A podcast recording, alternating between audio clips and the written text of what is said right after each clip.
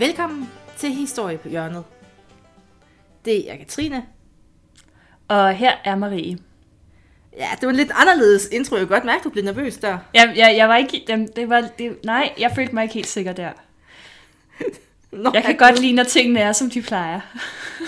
Jeg siger ikke, at du har en diagnose. Jeg siger bare, at du er mere en unaturligt vanemenneske. Ja, Det er også i orden. ja, ja. Jeg kan godt... Øh... Ja. men men øh, nej, øh, vi, jeg vidste jo godt på forhånd, at det her ikke var en historiepodcast, men et historiehjørnet. Øhm, så, så, og at du er Katrine, det vidste jeg også godt i forvejen. Du har siddet med de små flashkort og lagt op, hvad du skal i dag. Og så ja, er du ligesom klar. Det har jeg. Ja, Det er jeg er klar. Jeg har tunet ind på det. Fedt. Ja. Men som sagt, det er historiehjørnet i dag. Ja. Og i dag, i anledning af sommerferie, som vi forresten ikke Yay. holder på historiepodcasten, Nej. der skal vi snakke om måske lidt obskure sommerferiesteder, man kan tage hen, hvis man godt kan lide historie. Mm. Det er steder, vi også selv på en eller anden måde formentlig frekventerer her til sommer. Ja. Helt sikkert. hyggeligt. Det bliver så hyggeligt. Ja, altså hver for sig formentlig, men Ja, det, jeg tror ikke helt, vi er nået dertil i vores forhold endnu. Jeg elsker, når du kalder det vores forhold. det gør det mere og mere svært at forklare over for venner og familie, Marie. Ja. Må jeg komme hjem og holde jul hos dig?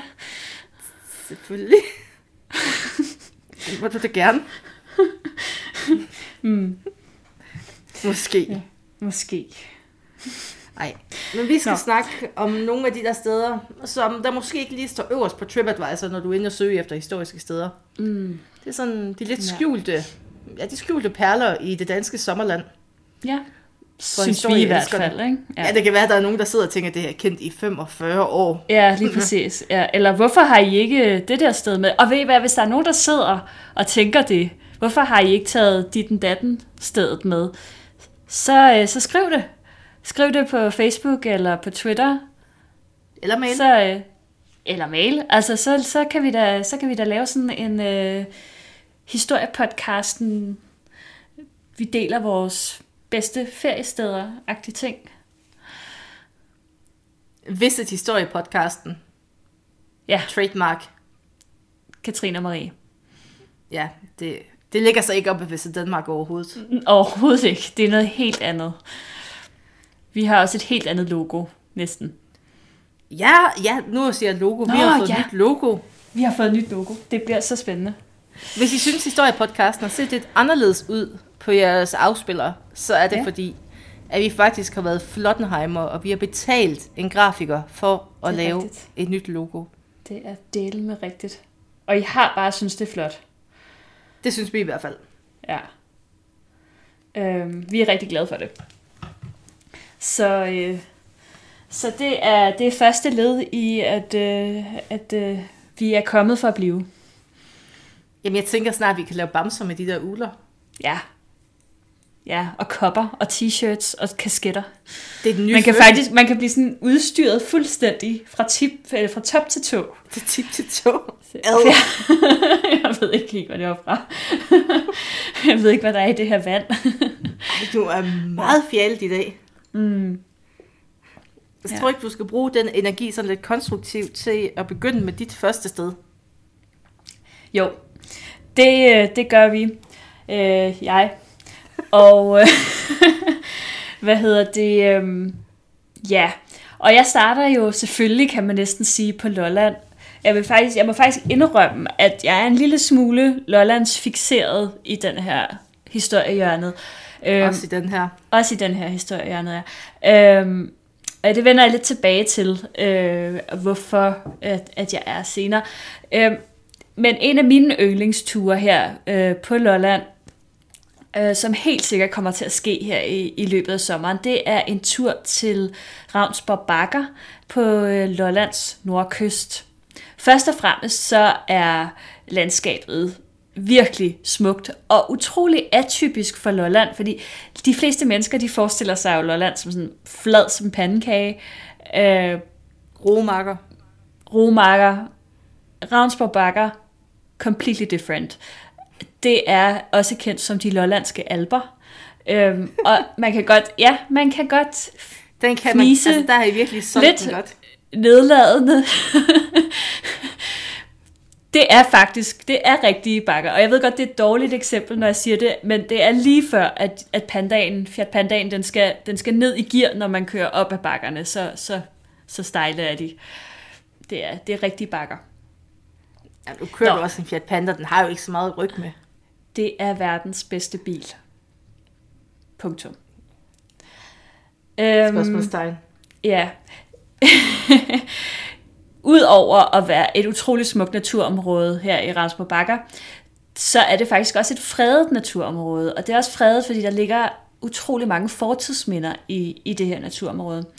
Øh, blandt andet Ravnsborg Voldsted, som øh, ligger øh, ud mod kysten, som øh, ud mod Smålandshavet, som det hedder. Altså man kan se i klart vejr ud til Askø, og jeg ved ikke helt, om man kan se helt ud til Femø og Fejø, men det er i hvert fald derude i, i det hav, de ligger de øer der.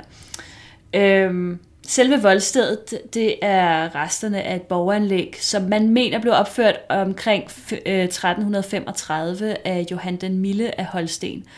Og øhm, det var på det her tidspunkt, at der jo var borgerkrig i Danmark. Man kunne ikke rigtig finde ud af, hvem der skulle være konge, og øh, den konge, der havde siddet på magten, havde ligesom pansat hele Danmark øh, til de tyske hertuger. Så øh, det var derfor, at, øh, at ham her, øh, hertugen af Holsten, han altså havde mulighed for at bygge en øh, borg på Lolland, fordi han ejede faktisk Lolland. Øh, der var ikke noget dansk rige på det her tidspunkt. Det, det var alt sammen de tyske hertugers. Øh, jo, måske var der lige et, øh, et hus i Saxkøbing, hvor kong Christoffer, han, øh, han boede. Man siger, at da han døde, øh, så øh, øh, var han ikke konge over andet end et, et hus i Saxkøbing. Men det er en anden historie.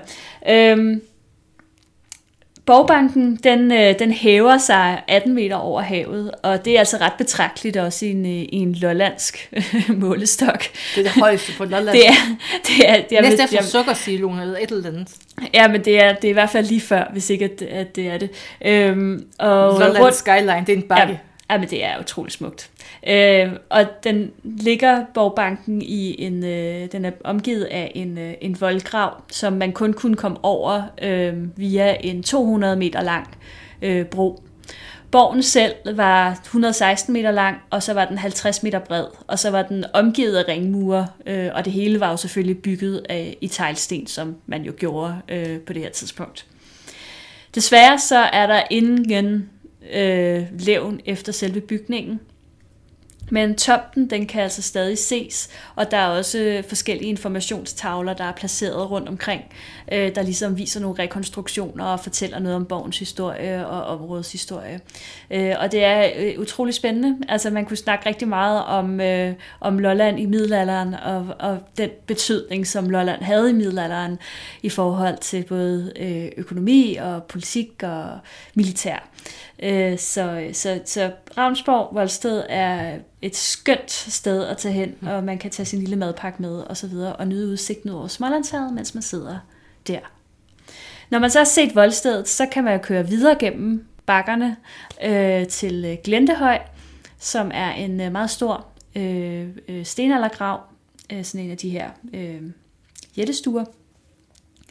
Og kunstværket Dodekalitten, som det hedder. Og øh, Dodekalitten er en øh, moderne skulptur, der består af 12 stenstøtter, der står i en cirkel. Det her dodekalit, det, det er græsk for 12 sten. Hver gang du siger det. Ja, dodekalit. Ja. ja. Det skal være mit kunstnernavn. ja, det er et yndigt kunstnernavn. Ja. Jeg kunne blive bakkesanger inden med det navn. Ja, der er lidt øh, dodekalitten. Dodekalitten synger julen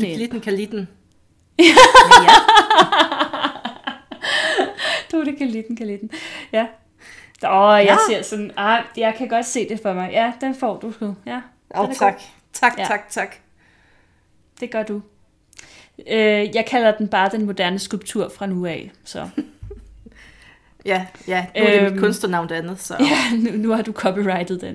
Øhm, hvad hedder det? De her øh, stenstøtter, de er øh, næsten 10 meter høje og øh, de vejer så også øh, betragteligt, de er sådan 25-45 tons. Det er altså sådan rimelig store, og de er så placeret i den her øh, stencirkel, sådan lidt Stonehenge-agtigt på en måde, og så ligger det der på et højt punkt ud mod øh, vandet. Det er fantastisk smukt.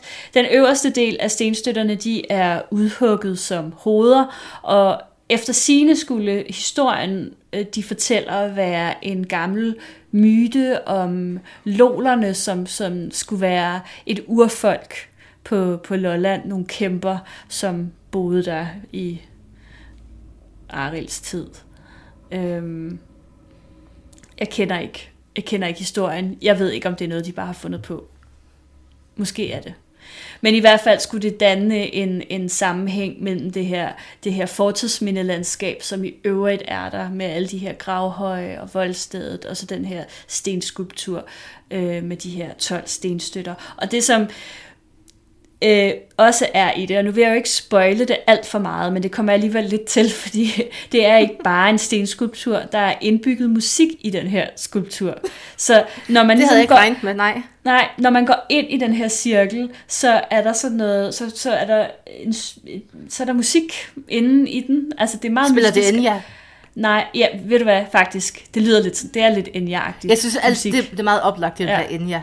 Jamen, det er lidt Enya-agtigt. Det må jeg faktisk sige. Øhm, og når man står der på toppen af Ravnsborg Bakker, omgivet af fortidsminderne og de her stenstøtter Og, og Enya. og musikken og udsigten ud over Smålandshavet og Enya, øh, så kan man ikke andet end lidt at blive grebet af den her mystiske stemning øh, og, og skønheden. Og ja, det er top, top dollar. Nej, det sagde jeg ikke. Undskyld. Ej, det er så faragtigt at sige det. Nå, øhm, det er virkelig godt. Tag til med Bakker og vi skal til at fortælle om, har du en personlighedsspaltning? Ja, Bor der en lille far inde i dig? det kan være, den, den anden del af mig er som en, øh, en, en mand på 58. Ja. Ja. Tyndt, hår og ølmave, Og alle farjokes i hele verden. der hedder, der hedder Flemming. Det, det bruger vi kan- lige i senere. Og kan, og kan alle far jokes. Mm. Ja. mm. Så øh, Ravnsborg Bakker, yay, ja. Det var godt, Marie. Skråstreg Mm. mm. Flemming. Så er det vist dig. Så er det min tur. Jeg starter jo også sådan en smule lokal, kan man sige. Mm. Jeg starter nord for Horsens eller syd for Aarhus, sådan, hvor man helst kan lige orientere sig til. Mm. Og jeg skal snakke om noget så specielt som en bro, der er dukket op. Det er ikke Ja. hver dag, man finder en bro, kan man sige. Og især ikke en stor en. Den her, Nej. Den er 13,4 meter høj og 45 meter lang. Og hvis man skal beskrive den, sådan sådan, den er lidt gammel type stålgitterbro i sådan en pæn rød. Og man tænker, hvorfor har den været væk? Hvordan, Hvordan kan man stor få- bro væk? Hvordan kan man forlægge en bro? ja. Nu er det godt nok omkring Horsens, men Jamen, så, så få mennesker er vi heller ikke. nej. Og vi skal sådan spole lidt tilbage i historien for at forstå, hvorfor den blev væk. Broen den blev bygget over Gudenåen i forbindelse med etablering af privatbanen mellem Horsens og Bryrup i 1899. Og da den blev bygget, så var det faktisk den højeste stålgitterbro i hele Norden. Mm-hmm. Horsens wow. for. Progress. og den kostede cirka 30.000 kroner på det her tidspunkt, så godt køb. Det må man sige. Og togturen, det var faktisk noget af et tilløbsstykke. For 1 krone og 65 øre, så kunne man rejse på 3. klasse. Og det blev jo betragtet som Danmarks smukkeste jernbane.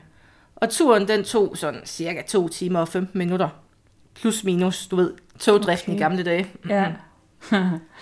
Der havde man god Og- tid. Ja. Dengang gjorde man så god tid. Mm. Og på Jomfru-rejsen, der var det jo så spektakulært, at øh, man faktisk holdt stille på broen, så de indfødte gæster, de kunne gå ud og så nyde synet Ej, på den største stålgitterbro i hele Norden. vildt. Så det var, det var altså noget, der... Altså, det tog lidt kejler dengang. Mm. Men I 1925, så bliver muren, eller så bliver broen muret inde i en dæmning. Okay. Og indmuringen, den sker, fordi at banen, den skulle ombygges til normal sporvidde. Det var fordi, at man egentlig godt ville begynde at standardisere altså banedriften i Danmark. Og så står man lidt med et dilemma, skal vi gøre broen bredere, eller skal vi bygge en ny bro? Og begge løsninger, de var dyre. Ja.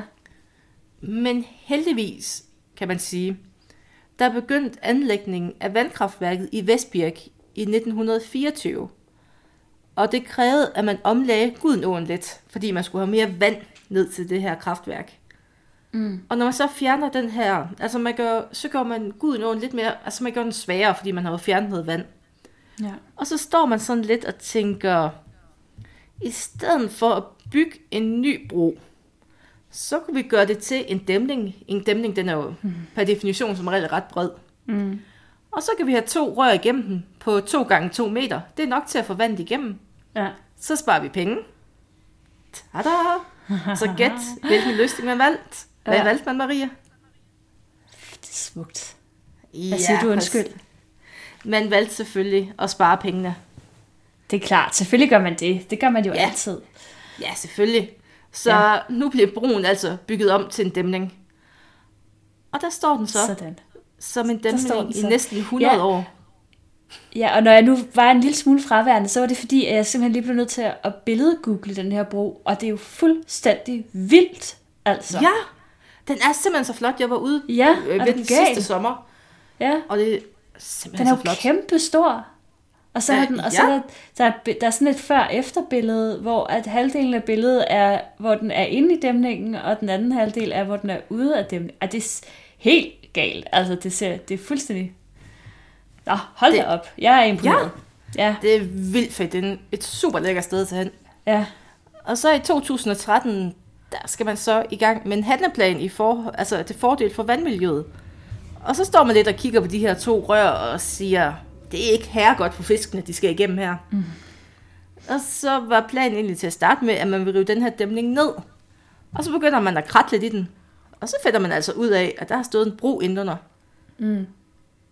Og så begynder man at kratte meget mere, indtil ja. den faktisk er helt fritlagt. Og i Horsens, der kan man jo godt se mulighederne i det her. Så man siger, broen, den er fin, fordi fiskene, de kan gå igennem nedenunder. Mm. Og så kan turister gå ovenpå. Ej, hvor er det smart. Mega fedt. Og så, nu har jeg jo været derude. Ja. Det spoiler igen. Ja. Og det er super fedt. Altså, der Ja. er en god, lang gåtur, og ja. hvis man er, hvis man er hesteentusiast, så er der også et lille vadested til heste. Og Ej.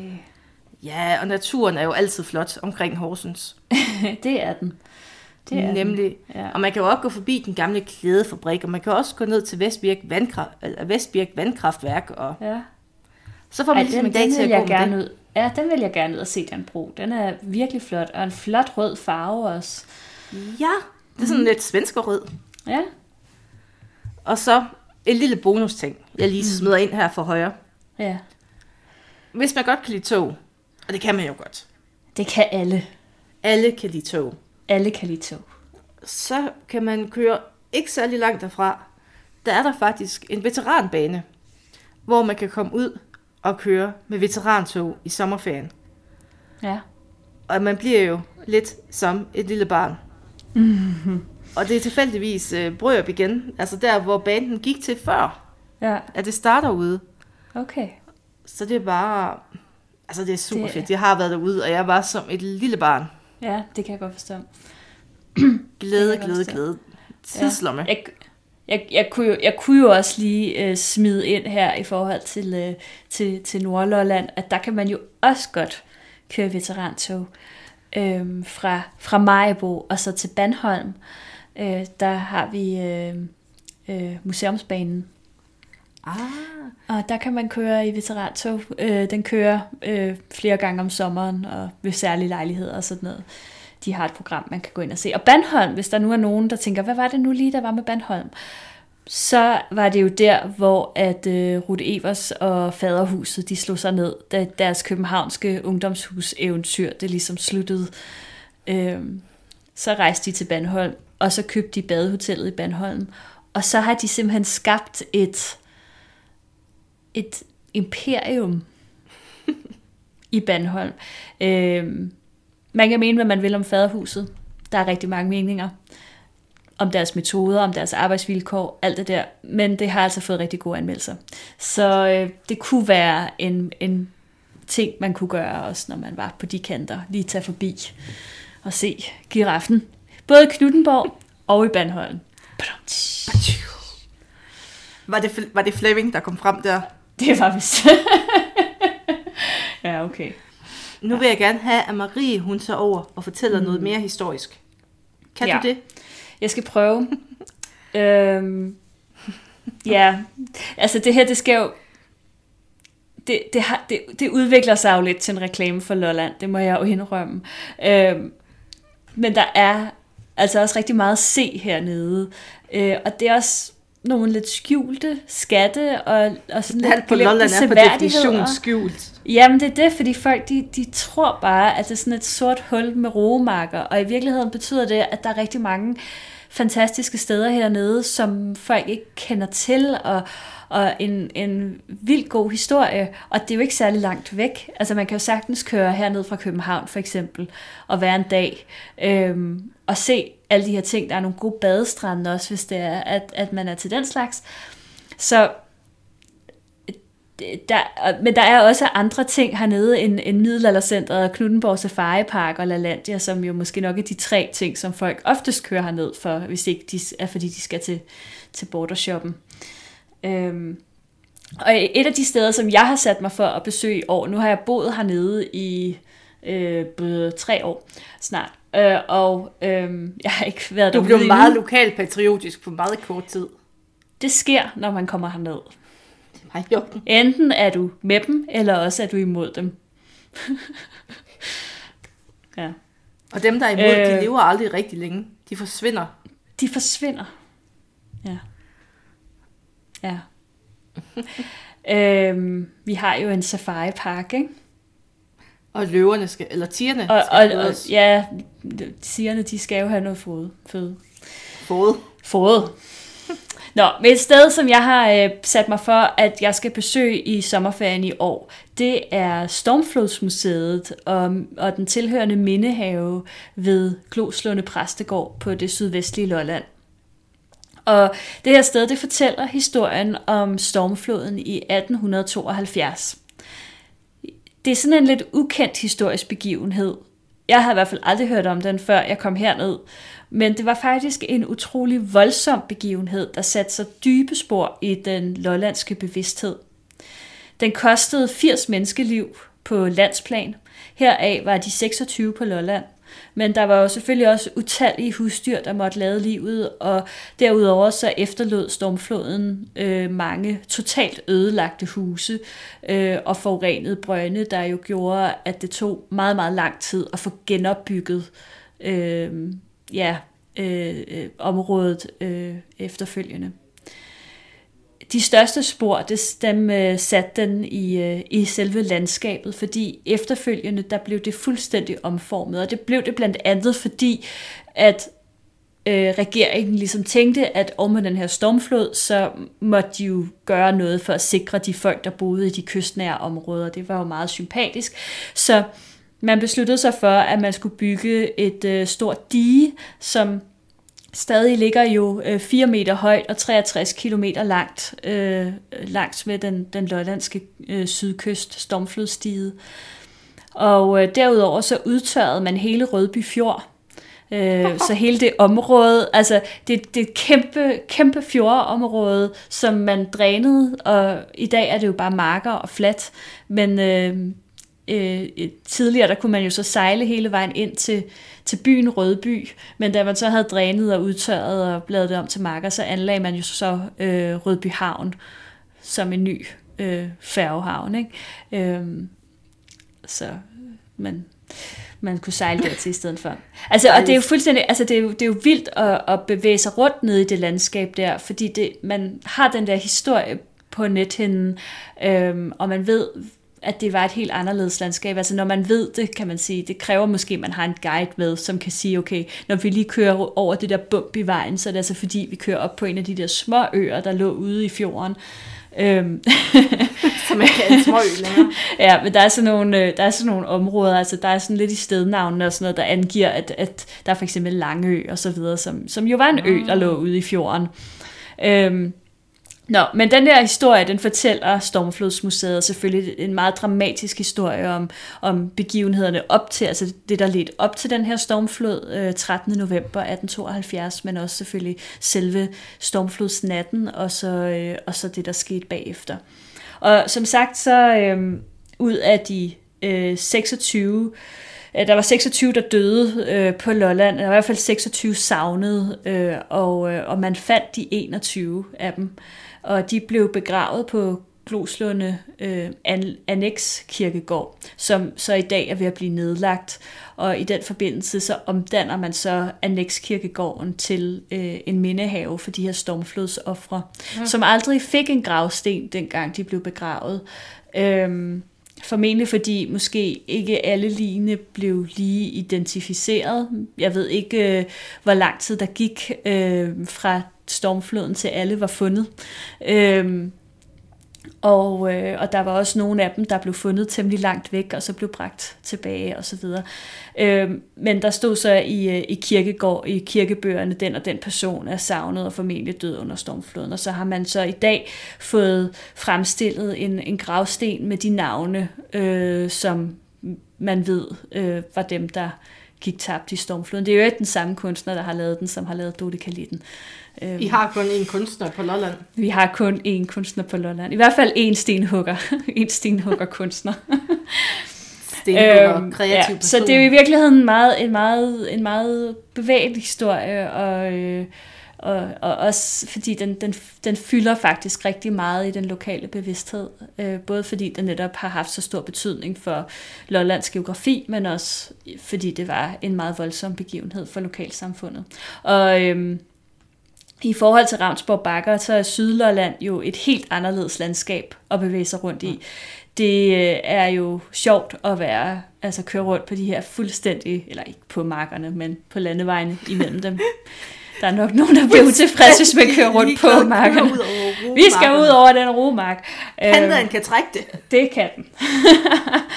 øh, hvor der engang, altså for de her, ja, kig ud over de her helt flade marker, hvor der jo så engang var fjord og småøer og en livlig skibstrafik. Ikke? Det, øh, det er ret interessant. Ja. De gode gamle dage. Det, er de, det var de gode gamle dage. Oha, jeg vil jo så også have lidt landskab igen. Mm. Og nu skal vi ud på Gendarmstien, eller Gendarmer, mm. eller Gardamerne, eller hvordan du nu godt kan lide at udtale det. Ja. Jeg kan godt lide den lidt franske. Gendarme. Gendarmstien, fordi jeg er rimelig elitær. Ja, det er du. elitær. Det er du. Og det er en ganske lang sti.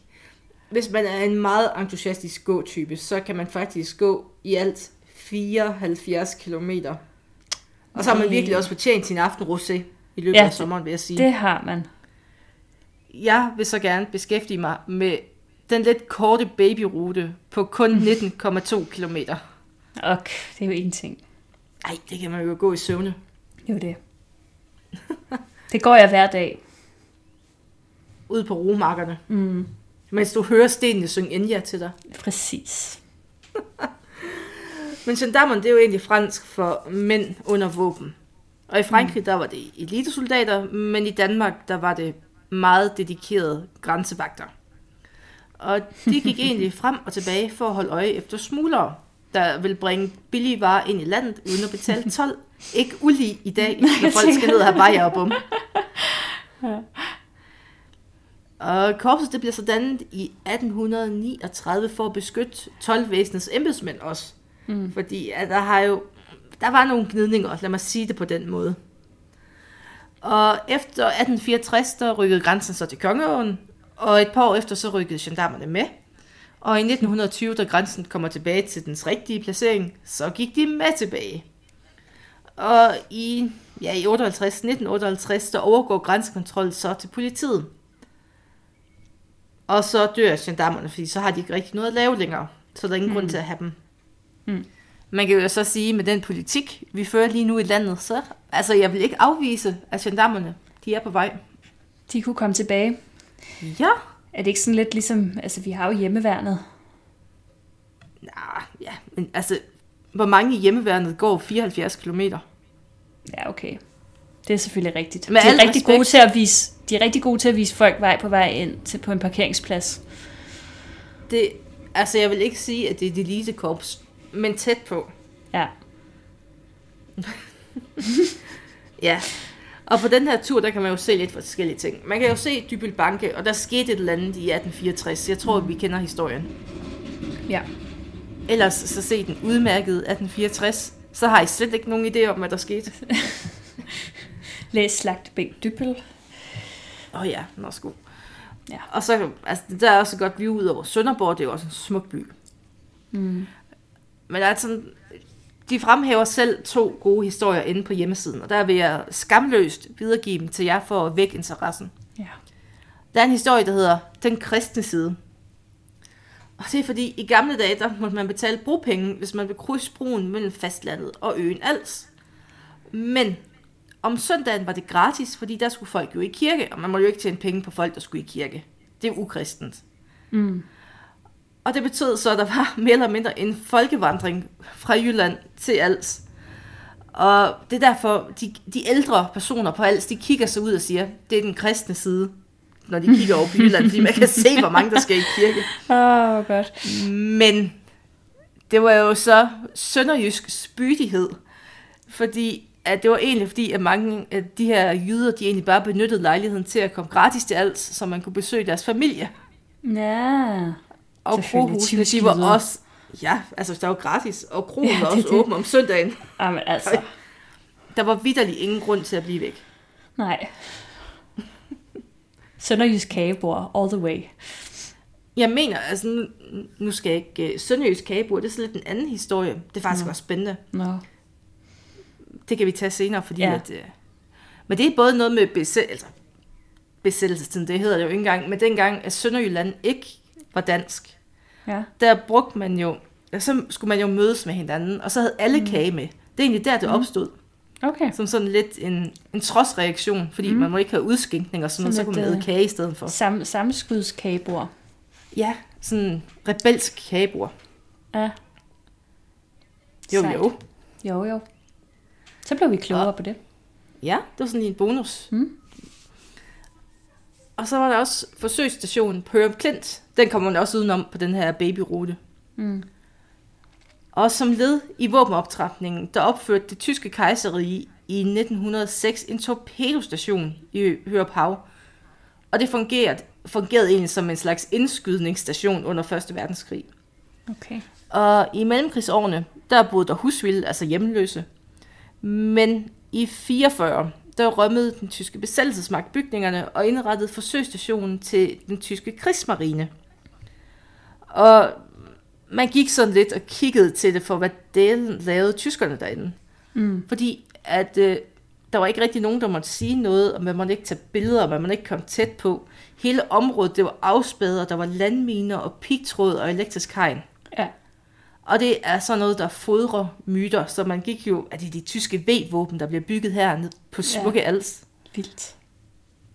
Men efter krigen har man jo så fundet ud af, at der ikke blev udviklet sådan våben på den måde, men det var et sted, man eksperimenterede med radar og infrarødt udstyr, og man udviklede metoder til at forstyrre de allierede bom- bombeflys øh, radarnavigationssystemer, Okay. fordi at man ikke ville have, at de skulle kunne radiopejle de tyske ubåde, Mm. så de kan kaste torpedoer ned på dem. Så Snedigt.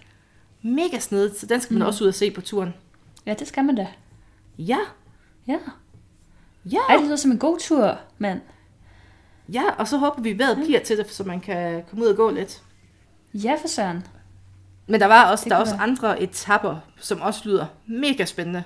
Ja. Er det sådan meningen, altså er det sådan, er den sat sammen efter, at man sådan kommer forbi sådan kulturhistoriske ting, eller er det bare sådan, jeg vil ikke sige tilfældigt, men altså lidt ligesom med hervejen, hvor at, altså hervejen ligger jo, hvor hervejen ligger, kan man sige. Men så, Jamen, altså meget af det, det ligger nærmest på vejen, og så er der nogle afstikker, man kan gå ud på, hvis okay. man føler sig lidt frisk. ja, Og det gør man jo. ja, selvfølgelig gør man det. Når Altså, man det er historie. På, det er jo præcis, altså. Hvad gør man ikke for det? Ja. Hvad laver du? ja, jeg flyttede lidt på mig. Nå, det er derfor, det hele lyder, som om det brænder sammen. Tak, Katrine. Selv tak. Ja, du er altså så sød. Mega. Mm. Du er den bedste ven. Ja, vi skal jo holde jul sammen. Ja, det bliver så hyggeligt. Ja. Ja. Og ved du hvad, som sådan en ekstra lille, en ekstra lille gave til dig, så er, er min, sidste, min sidste ting, det er faktisk noget kold krig. Åh, Og det er kun til mig. Det er kun til dig. Du ved, hvad Øhm, jeg kan lide. jeg ved, hvad du kan lide, og, øh, og det er altså endnu en ting. Den, den her gang er det ikke fra Lolland, det er fra Falster.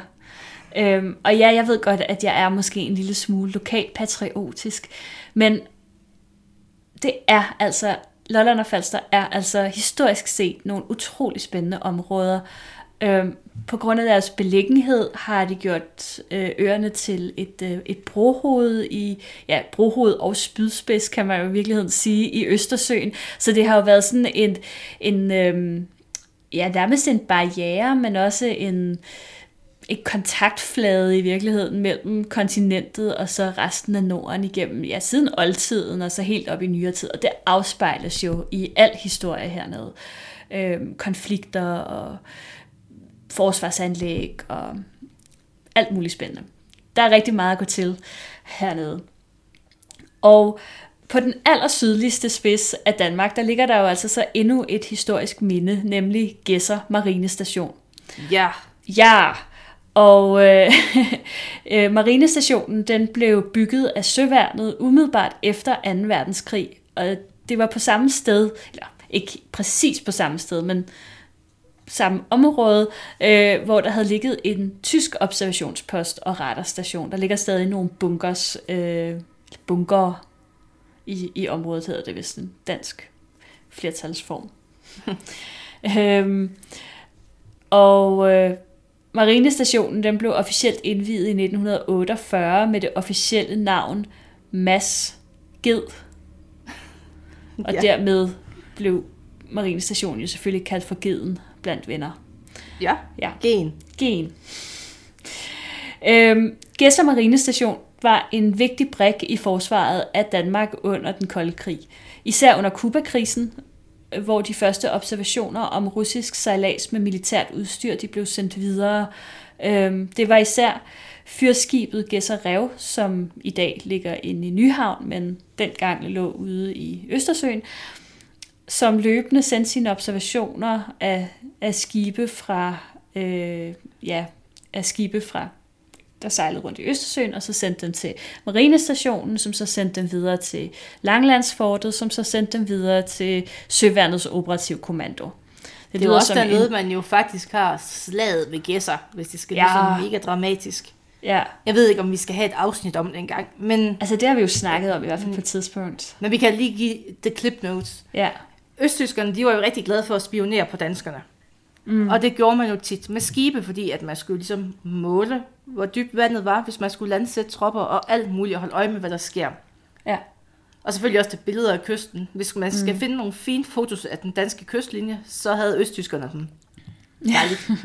skønt. Mm, en af de lege, så også godt kunne lide at lege, det var en form for kylling med de danske altså hjemmevandsskibe og flådeskibe. Mm. Altså sejle så tæt på, man kunne, og så dreje af i aller sidste øjeblik. Bare lige for at vise, hvem der var størst og Ja, stærkest. ja. Der var så en gang, hvor det ikke gik helt så godt, hvor de jo så faktisk rammer et dansk hjemmevandsskib.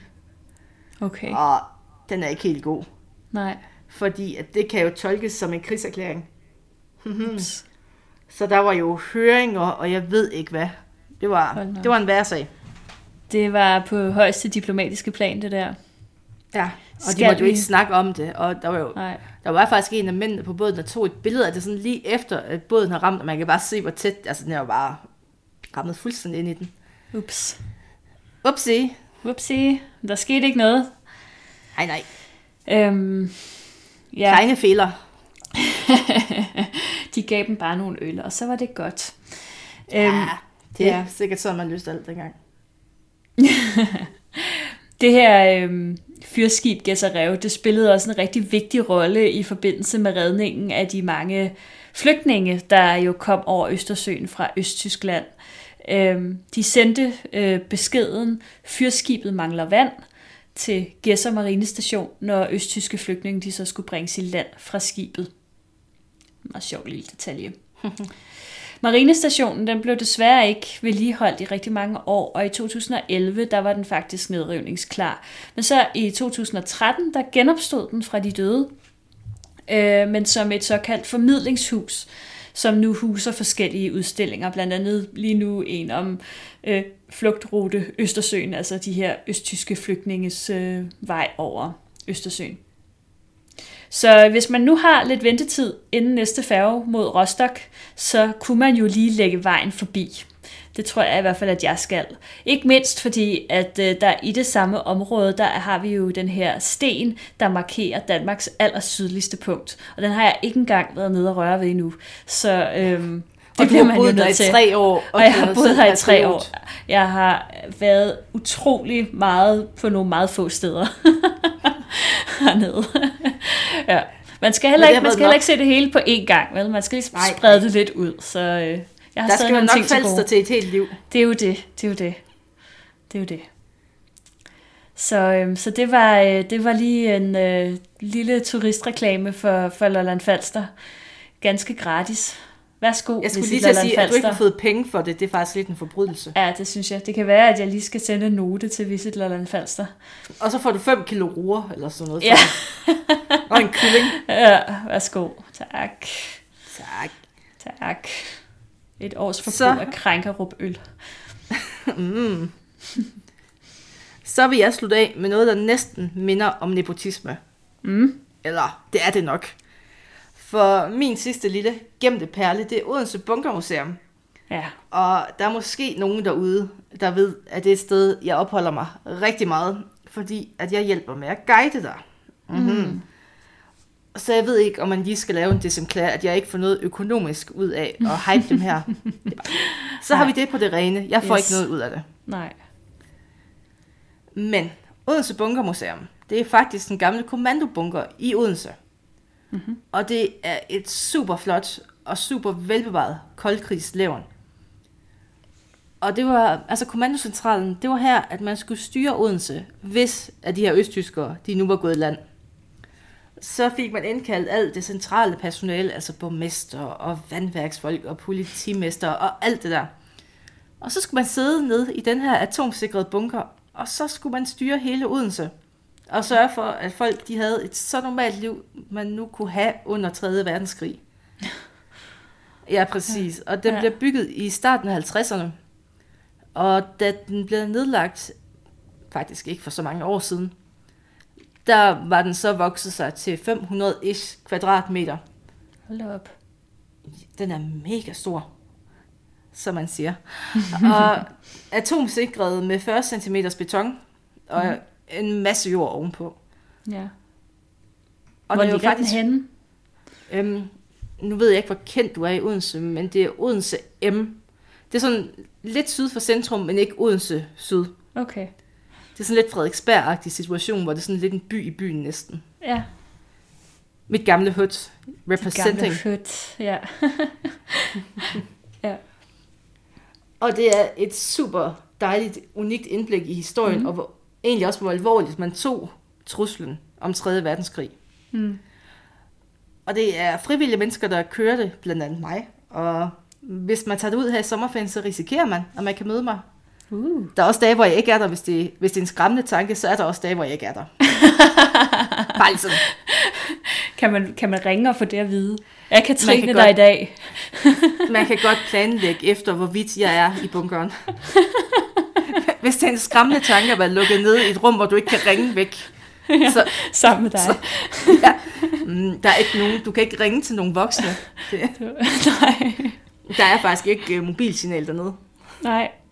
Så, Så man er, man er fuldstændig afhængig af dig dernede, og du skal in kunne... the bunker, nobody can hear you scream. Uh, Mm-hmm. kinky. Og med de... hvorfor, skal, skal du gøre noget så smukt som Koldkrigs historie til noget frækt? Vulgær kvindemenneske. Undskyld. Jeg tror alligevel, ligger lidt låg på Flemming.